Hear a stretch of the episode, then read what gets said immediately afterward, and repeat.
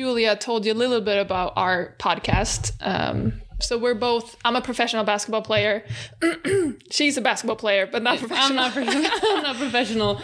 Uh, I play for fun. That's the kind of basketball with... player I was. The non-professional, playing pickup wherever I could. Yeah, you that kind of that's what player. I do. No, but um, I work with the communication for Ellen's team. And so I work close to the team and with the um, design stuff as well. So that's what yeah, I bring to the podcast. And basically, we were angry about the amount of podcasts in Sweden that are by men and that only talk about like what's on the court and this play and that play and talk about players. And we were like, there's no podcast that talks about everything else that like in regards to basketball. Yeah. So we want to talk about like group dynamics, equality, like all those things that are not on the court, but it's still so major to the sport of basketball one of the things just for future podcast ideas one of the things that i really and in the classroom setting has been really successful is talking about coaching mm-hmm. coaching styles who is coaching for what is the goal of coaching like that's something i think has a lot of traction because especially when you have like so many scandals that erupt about coaches who are doing things that are you know not credible or you know not effective not credible but also damaging to athletes yeah. and so I feel like, you know, that's a really ripe area because coaching can be like life changing when done well. You know, you really can affect somebody's life um, in a positive way, but it can also be really damaging. Uh, but before we get started, do you have any questions or anything like that you want to know? No? Good to go. No, not really. I think it sounds like, I mean, just from the interactions that we've had, it seems like you guys are, um, you know, doing something kind of interesting and innovative. And I always, you know, I always want to kind of encourage people who are talking about women's sports and who are talking about sports differently. And it sounds like you guys, plus I played basketball too. So that, so it seemed, yeah, I'm happy to, I'm happy to go on. Yeah, we're Good. so happy to have you here. Yeah, so excited. Super excited. But um should we get started? Mm? Yeah.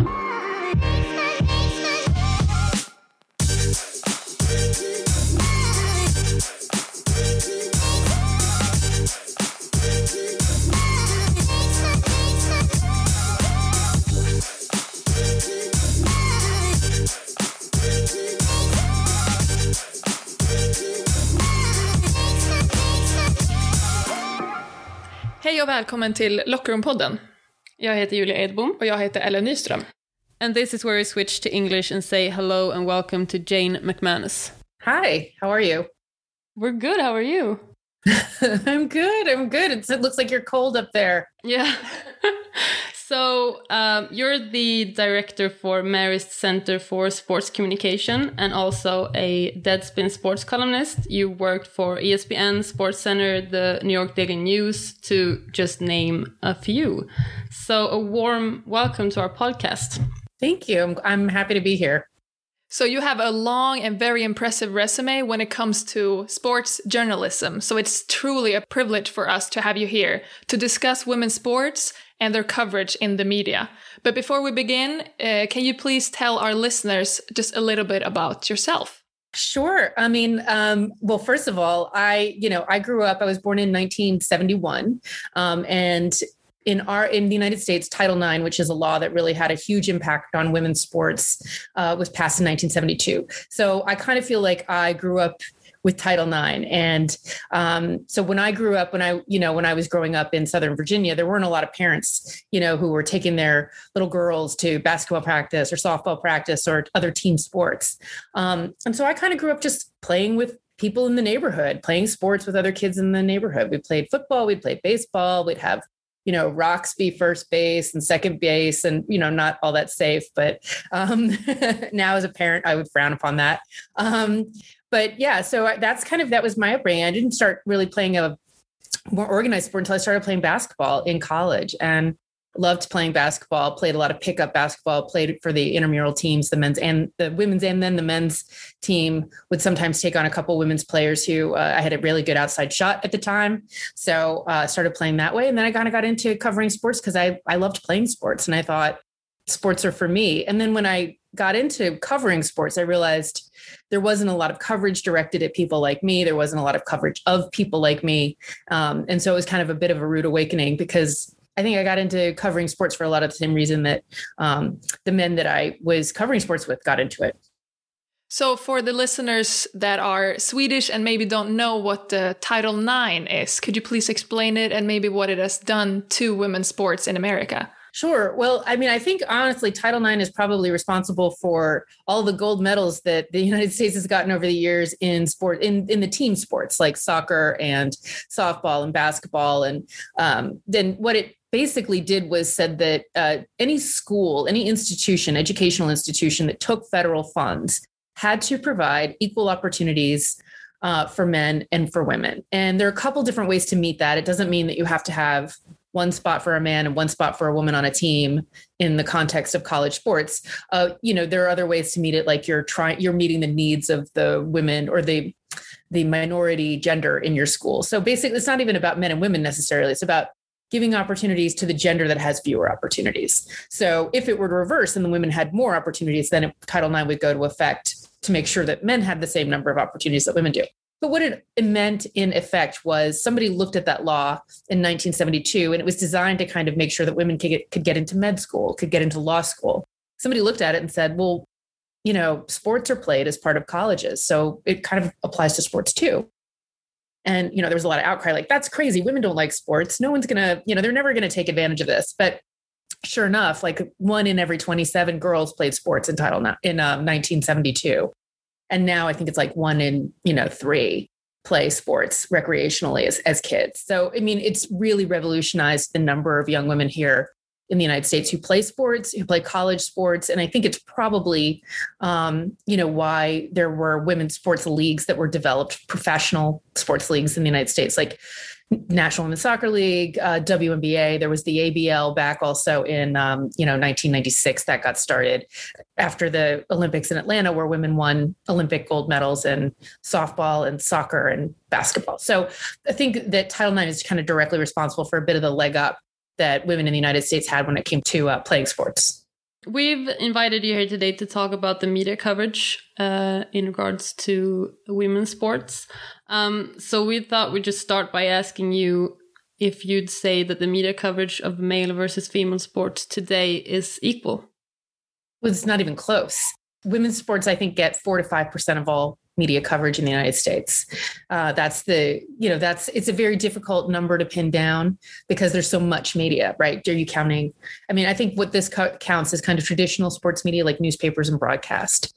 Um, the same things that have been roadblocks and barriers for women in the in the culture have been roadblocks and barriers for women in sports even more so because um, you know and certainly back when i was growing up again you know my timeline 50 years looking back um, is that is that uh, women were not expect. I remember when I was growing up, people would ask me when I was a little girl growing up in Virginia, "What do you want to do?" And I would say, "I want to be a nurse or a ballerina." Like because those were two jobs that was okay for a woman to have, like that or teacher. I could have said I wanted to be a teacher also, but there were like really um, there were cultural expectations of what women were allowed to do um, without kind of rocking the boat. And playing sports was not one of them. And so I think there were a lot of, you know, there used to be, um, there was a real stigma against playing sports because it might mean that you were gay or you're going to to present as gay eventually.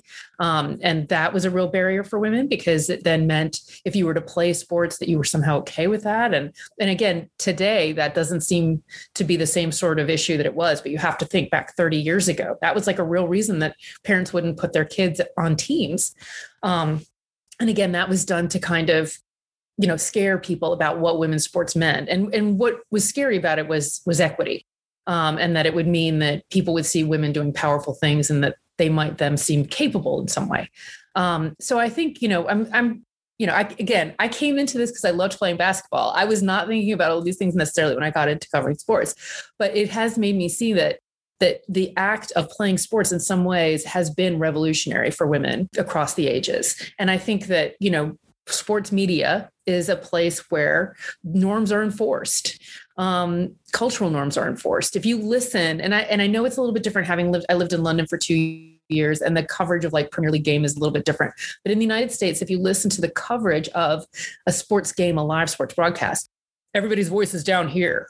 You know it's like it's there's a pageantry to it. There's a it, it's a it's a it's a celebration of values. And a lot of times those are masculine values. And so when women come in and they play sports, a sports broadcast doesn't feel the same. It doesn't look the same.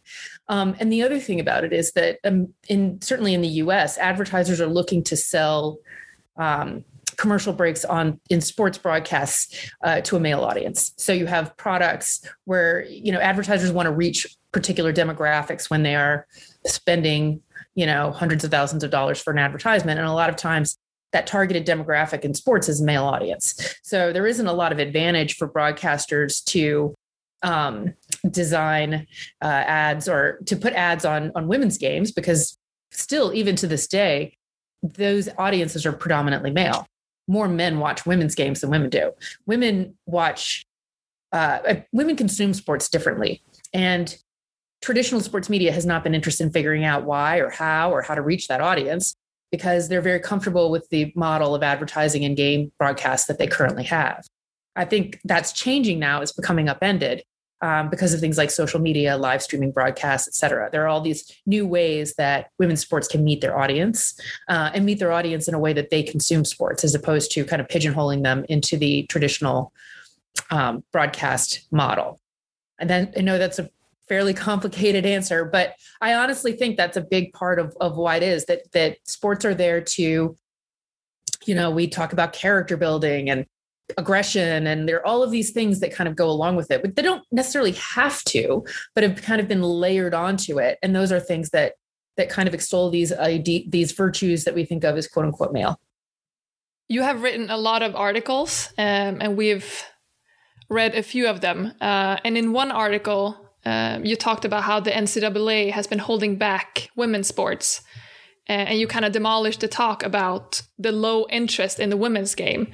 So, what do you think the biggest factors are that is stopping the media from recognizing the interests in women's sports? Um, I think sports media has a, has traditionally had a an authority um, problem, which is that uh, there's a deference to authority, whether it's a coach, an owner, um, you know, a, a commissioner, a league official, all of these different things. I think so. I think when if you're a sports writer, or let's just say the traditional sports writing model is somebody says something and then you go to a league official or you go to a coach or you go to authority and a, figure of authority. Traditionally in sports, those have been men, white men in particular. Um, and then you get the quote from that person and you tend to, I, I think there's been a, I, I think there's been a tradition of accepting those those for the most part a tradition of accepting those answers.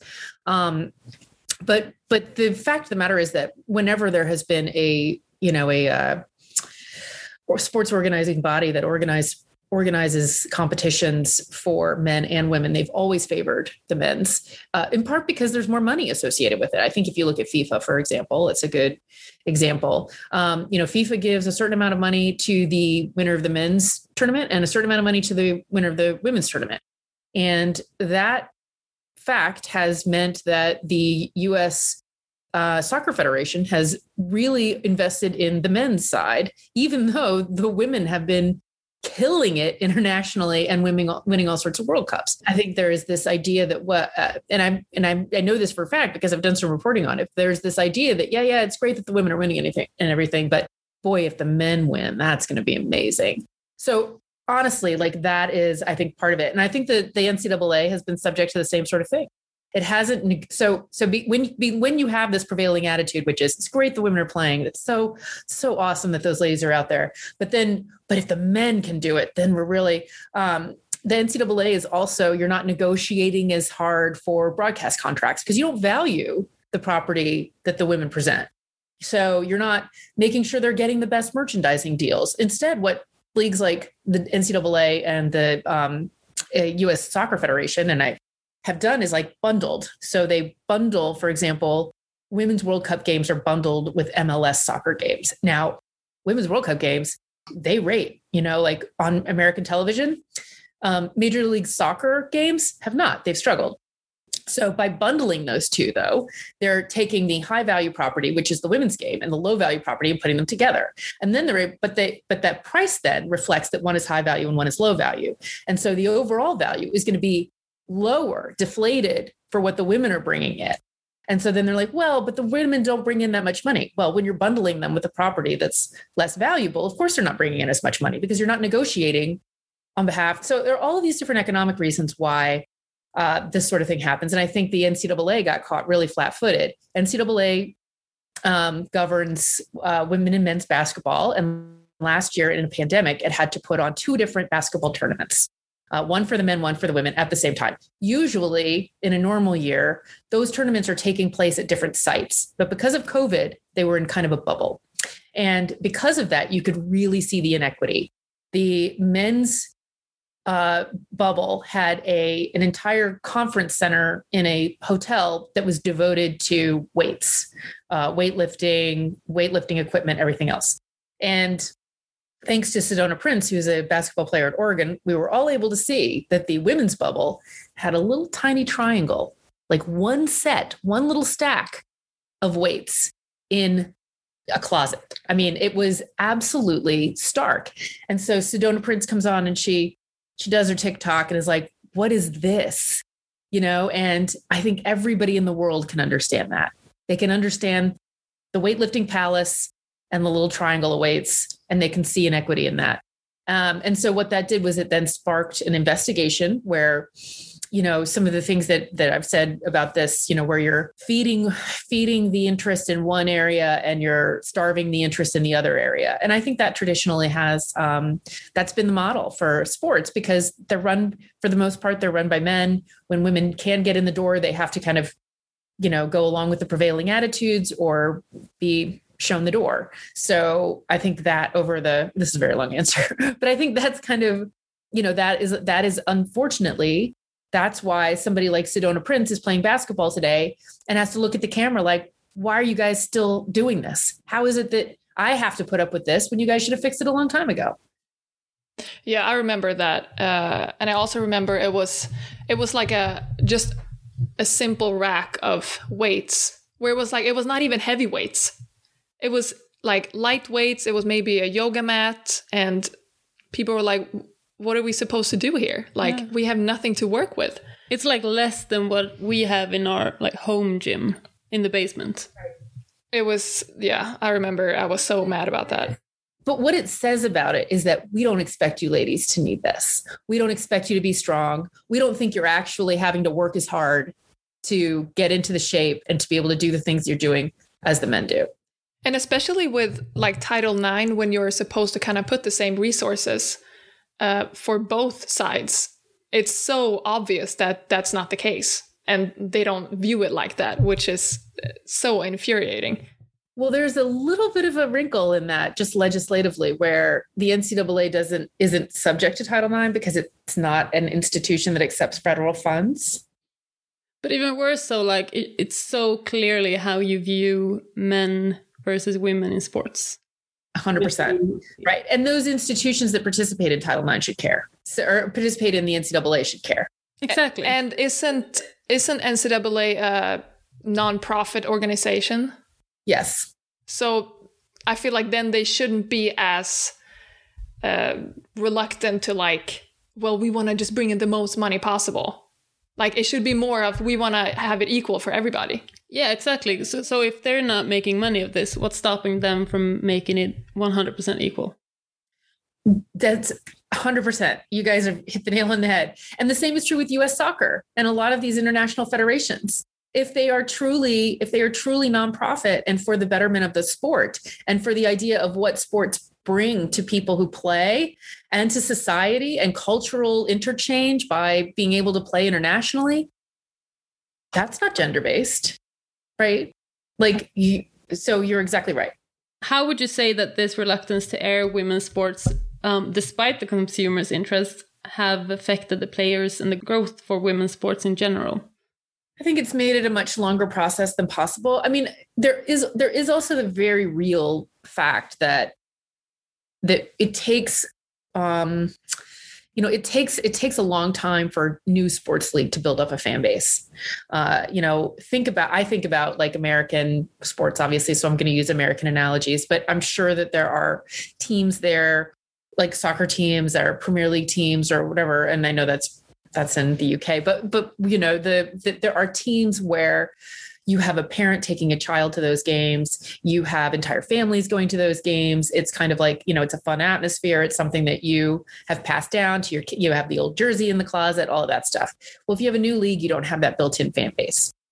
So it's taken time and, and women's games haven't had the same number of people showing up uh, because they're new and because they haven't built in that eh, eh, the other thing is you don't have the same sort of storytelling from you know again for the us analogy you don't have the same sort of storytelling from the in the us we would have like let's say there's a, a boy who plays re, who's really good at basketball young kid really good he'd be like uh, his high school would be covered. He'd have stories in the paper because he was a good high school player.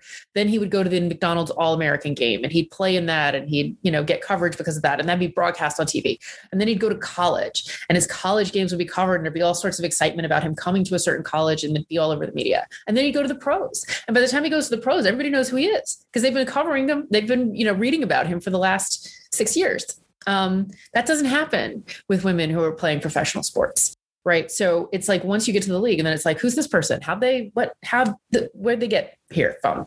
And i think that's also part of it is that you don't have the kind of the built-in the runway is not the same in terms of coverage and attention. I think that is starting to change like you know the WNBA draft is now held uh, on television here. And there are other you know ways where that's kind of changing. I think more coverage to ncaa women's basketball is huge because it means like this year there really has been a change. I- i'll turn on espn and and sometimes i'll see just random women's games like that i hadn't expected to see there. And that's really awesome. Like that's the kind of thing that kind of casual scanning oh my goodness there's a women's game we care about it we're broadcasting it and espn should because that's their property like that's their sports property. They don't own the men's tournament they own the women's tournament so they should be covering the women's game. But in the past they hadn't. So it's good to see that changing. Um, but i think it's made that meant that that lack of coverage has meant you know fewer endorsements fewer dollars et cetera. Um, and I, you know that is also changing like there's been a sea change in that this year as well um, name, image, and likeness, which is something in the US, means that uh, men and women who play for different college sports teams can um, can go to sponsors and they can get advertising deals. So, for example, if you are a college player and you play for a local call and you you play basketball during the season, you can go to the, you know the local car wash can come to you and say, you know, do you want to for ten dollars? Do you want to you know come endorse our car wash or something like that? And they can say yes. And so but that also means like that gatorade can pay paige bueckers a million dollars or whatever the amount is to do name image and like a series of name image and likeness deals throughout the course of her career. And you find that the women who are going to UConn are getting pretty big name image and likeness deals because that's a pretty high profile uh, college team. So i think i think there's a, a revolution underway right now about that yeah and that's amazing um, so if we talk specifically basketball, um, the WNBA has really been on a rise the last couple of years, uh, in my opinion, and I mean it's shown in the stats too, um, which is the best basketball league for female basketball players. However, it doesn't really correlate with their salaries, their travel conditions, contracts, and the fact that most of their the WNBA players have to play overseas uh, in the off season to be able to make to make money worth living. Um, and that's where they make the most money. Um, and the most common excuse or argument for not paying women what is fair is that one, nobody's watching. Two, they don't bring in the revenue. And three, according to trolls on Twitter, uh, they need to get back to the kitchen and leave basketball to Steph Curry. Well, so one of the things that uh, over the course of my long and storied career, I've come to realize is that if somebody doesn't believe in women's sports or doesn't care about women's sports, I'm not going to convince them otherwise. And I don't have that argument anymore. Um, it's not worth it, you know. And a lot of times, you know, this my friend Kate Fagan actually made this argument to me, which was interesting. Is like if you don't like, let's use a food analogy. If I don't like uh, green beans, um, and I just don't eat green beans, right? I don't like go to the plant that processes green beans and start yelling outside the green bean plant that they're terrible and they're all, you know, horrible people. I don't go to the person planting the green beans and tell them what a jerk they are and that they should get back in the kitchen. But there but that is the type of dislike that women's sports generate.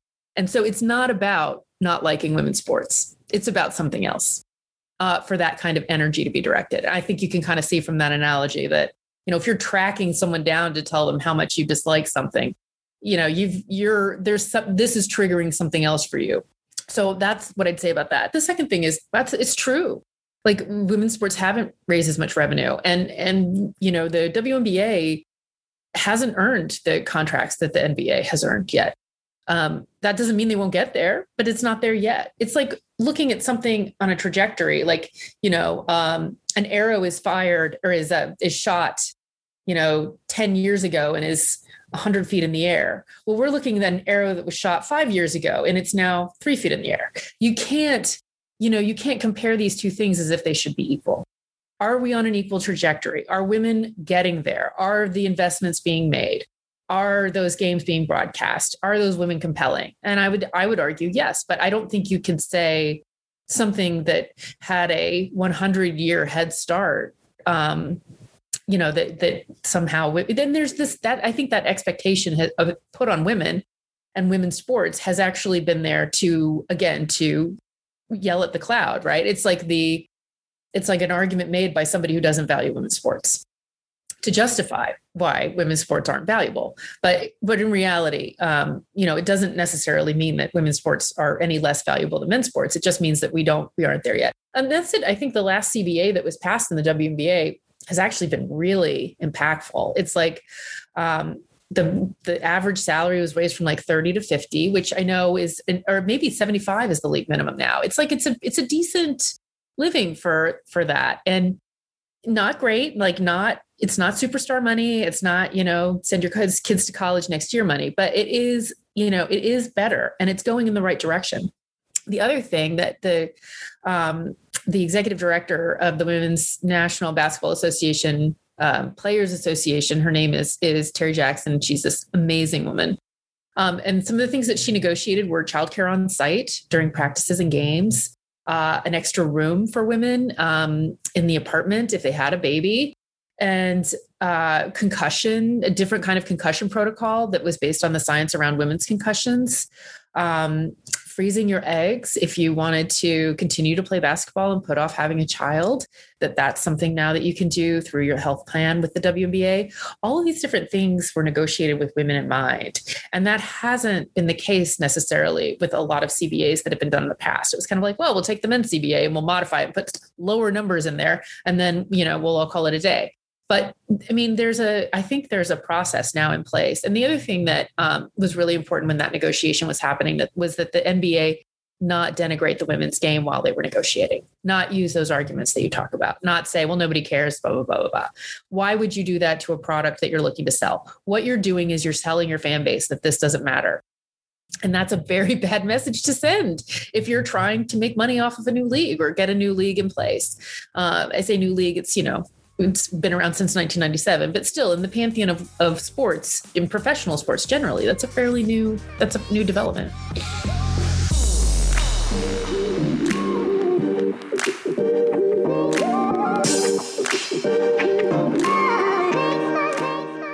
So, we made some research um, and found several instances where women have been forbidden, shamed, or otherwise grossly unfairly treated when it comes to playing sports. So we want to read some of them, um, which is kind of what you talked about that the men have had such a head start. Um, so here is a couple of examples of that. Um, in Brazil, we found that the women's soccer was flourishing up until 1941 when the government passed decree law 3199, which mandated that women could not participate in a wide variety of sports, soccer included, out of fear that violent sports are not suitable for the female body. They lifted the ban in 1981, but even today, the leadership remains that would not rather see women play soccer. We also have Germany, where, similar to Brazil's ban, um, they had a justification for banning women playing soccer. The ban stated in 1955 that it was fundamentally foreign to the nature of women and added that women were too frail to play sports. We also had Scotland, where some of the earliest accounts of women playing soccer came out of Scotland, dating back to 1628. But people were unhappy with women playing the game for decades. But it wasn't until uh, a later era where they actually banned the game because they felt like it was hazardous to women's health. Uh, then we also have Spain, where the Royal Spanish Football Federation president uh, had a response to the possibility of women's international soccer, where he said, I am not against women's football, but I do not like it either. From the aesthetic point of view, a woman in a t shirt and pants is not preferable. Any regional dress would suit her better. So, this is kind of like examples of what you were just saying that, you know, the men have had such a head start on on all of this but if it wasn't for all of these bans and everything maybe it would have looked different today and it's so it's so sad to think about that like men in high positions have just decided that this is not for women and then pushed on women to you're not supposed to do this. And you can still see it today. I mean in in england from the uh, Dick Kerr ladies that were they got 53,000 people uh, watching a game, but then they banned soccer because it was they said it was because for the women's best, but really like they were taking the audience of the men and that wasn't okay. So if you think about like where could we have been today if it wasn't for stuff like this?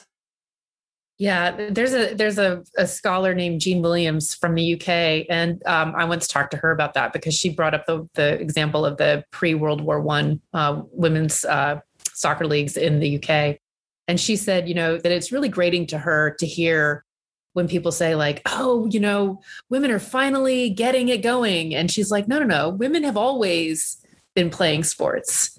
It's that men have have been you know taking away that opportunity and they they have it, they're dealing with an economic system that disadvantages women's ability to succeed they have you know they have this that there's there's nothing around that's trying to make it easier for women to play sports. Every single incremental victory is is is overcoming some sort of cultural roadblock that's put in their way.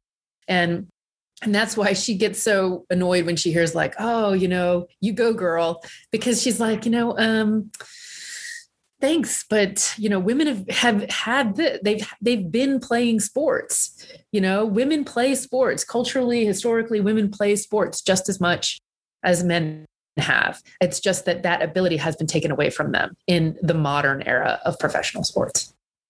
Yeah, and also this is not to say that we have it so much better today than we did before. It's just that um, there is still a lot of improvement to be made, and women in sports have, as you say, continued to push against sexism. And the progress we see today are despite all of these adversities and lack of opportunities. Um, so, just as Alan said, imagine where we'd be today if women had been allowed to exercise and compete on the same premises men have all along. And I don't really like when you talk about supporting women's sports. I, I know what people mean uh, when they say that, but to me, it just sounds like it's not about support. We don't, like, we've been running up the hill for so long. We just need to be recognized. Yeah, to me, it's about respect. It's yeah. about respecting women for playing sports. It's not about charity, letting people, supporting people, whatever. It's about respect, respect and value. And I think that's what's been lacking. And I think that now um, people are starting to recognize that because you have women and men, but mostly women, putting money into women's sports now. And of course, in a capitalist society, money means respect, money means value. And when you are putting money into women's sports, you're respecting them. So it's not just about, I mean, show up, you know, um, play, you know, put your daughters in sports, uh, teach your sons to respect women who play sports take your sons to those games as well like that i think is also important because i think as much as much as women have gained in the last 50 years and i'm here to tell you that's quite a bit. But um, you know women have been told you can do anything you can be what you want to be but boys have not been taught that they should make space for women or not provide opposition to that. They've still been taught that they are the you know that they have the the societal benefit when it comes to sports and and in other areas too. So I, to me, it's it's it's important now that we make that uh, leap by talking to boys about about this as well. Yeah, um, we also see a pattern where women playing sports uh, and what they wear are being dictated by the male gaze. Um, for example, Norway's beach handball team not being allowed to wear shorts instead of panties. Um, FIBA trying to encourage women to wear tighter jerseys and shorts. Badminton World Federation tried, um, but thankfully failed to force female players to wear skirts in order to look feminine and have a nice presentation. These are just a few examples of when women in sports have been forced to conform to bizarre rules about their own bodies. So do you agree that when we talk about representation in the media, we have to bear in mind how we talk and present women and that it has to be equal as well, not just the airtime? Sure. And I do think there's been a conversation about that in media. I remember when I was um, started off covering um, tennis, I've covered uh, 20 or so uh, US Opens tennis. And so Anna Kournikova was playing when I started to to cover the sport. And I remember there was one newspaper in New York, whenever it would present would talk about her would always say the leggy Anna Kournikova. It was like always, it was like the adjective as if it was her first name and Anna was her middle name.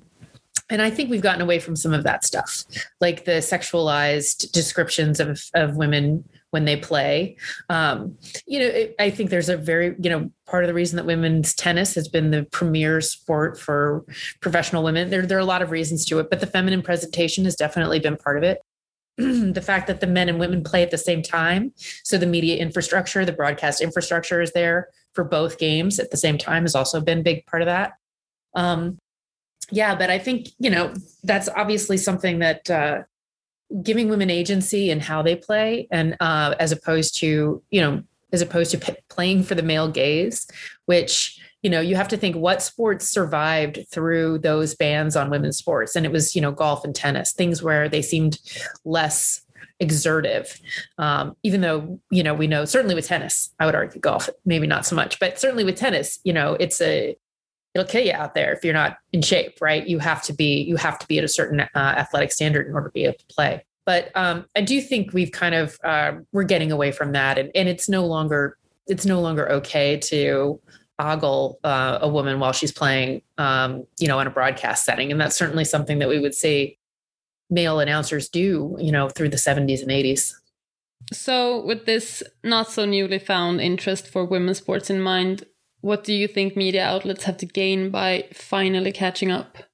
Um, well, I think, you know, uh, the problem is that the media itself, the traditional sports media, is under such uh, uh, dramatic, especially in this country, rearrangement of financial structures.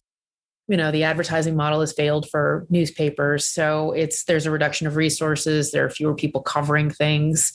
Uh, rather than being able to really sit down and think about how they want to cover things, it's much more of a, you know, putting out the fires uh, approach to coverage. Um, so I, you know, I'm, I don't, I think what ha- what will be gained is maybe outside of traditional media structures um, you know, when you look at name, image, and likeness, I think there you look at um, uh, broadcast deals.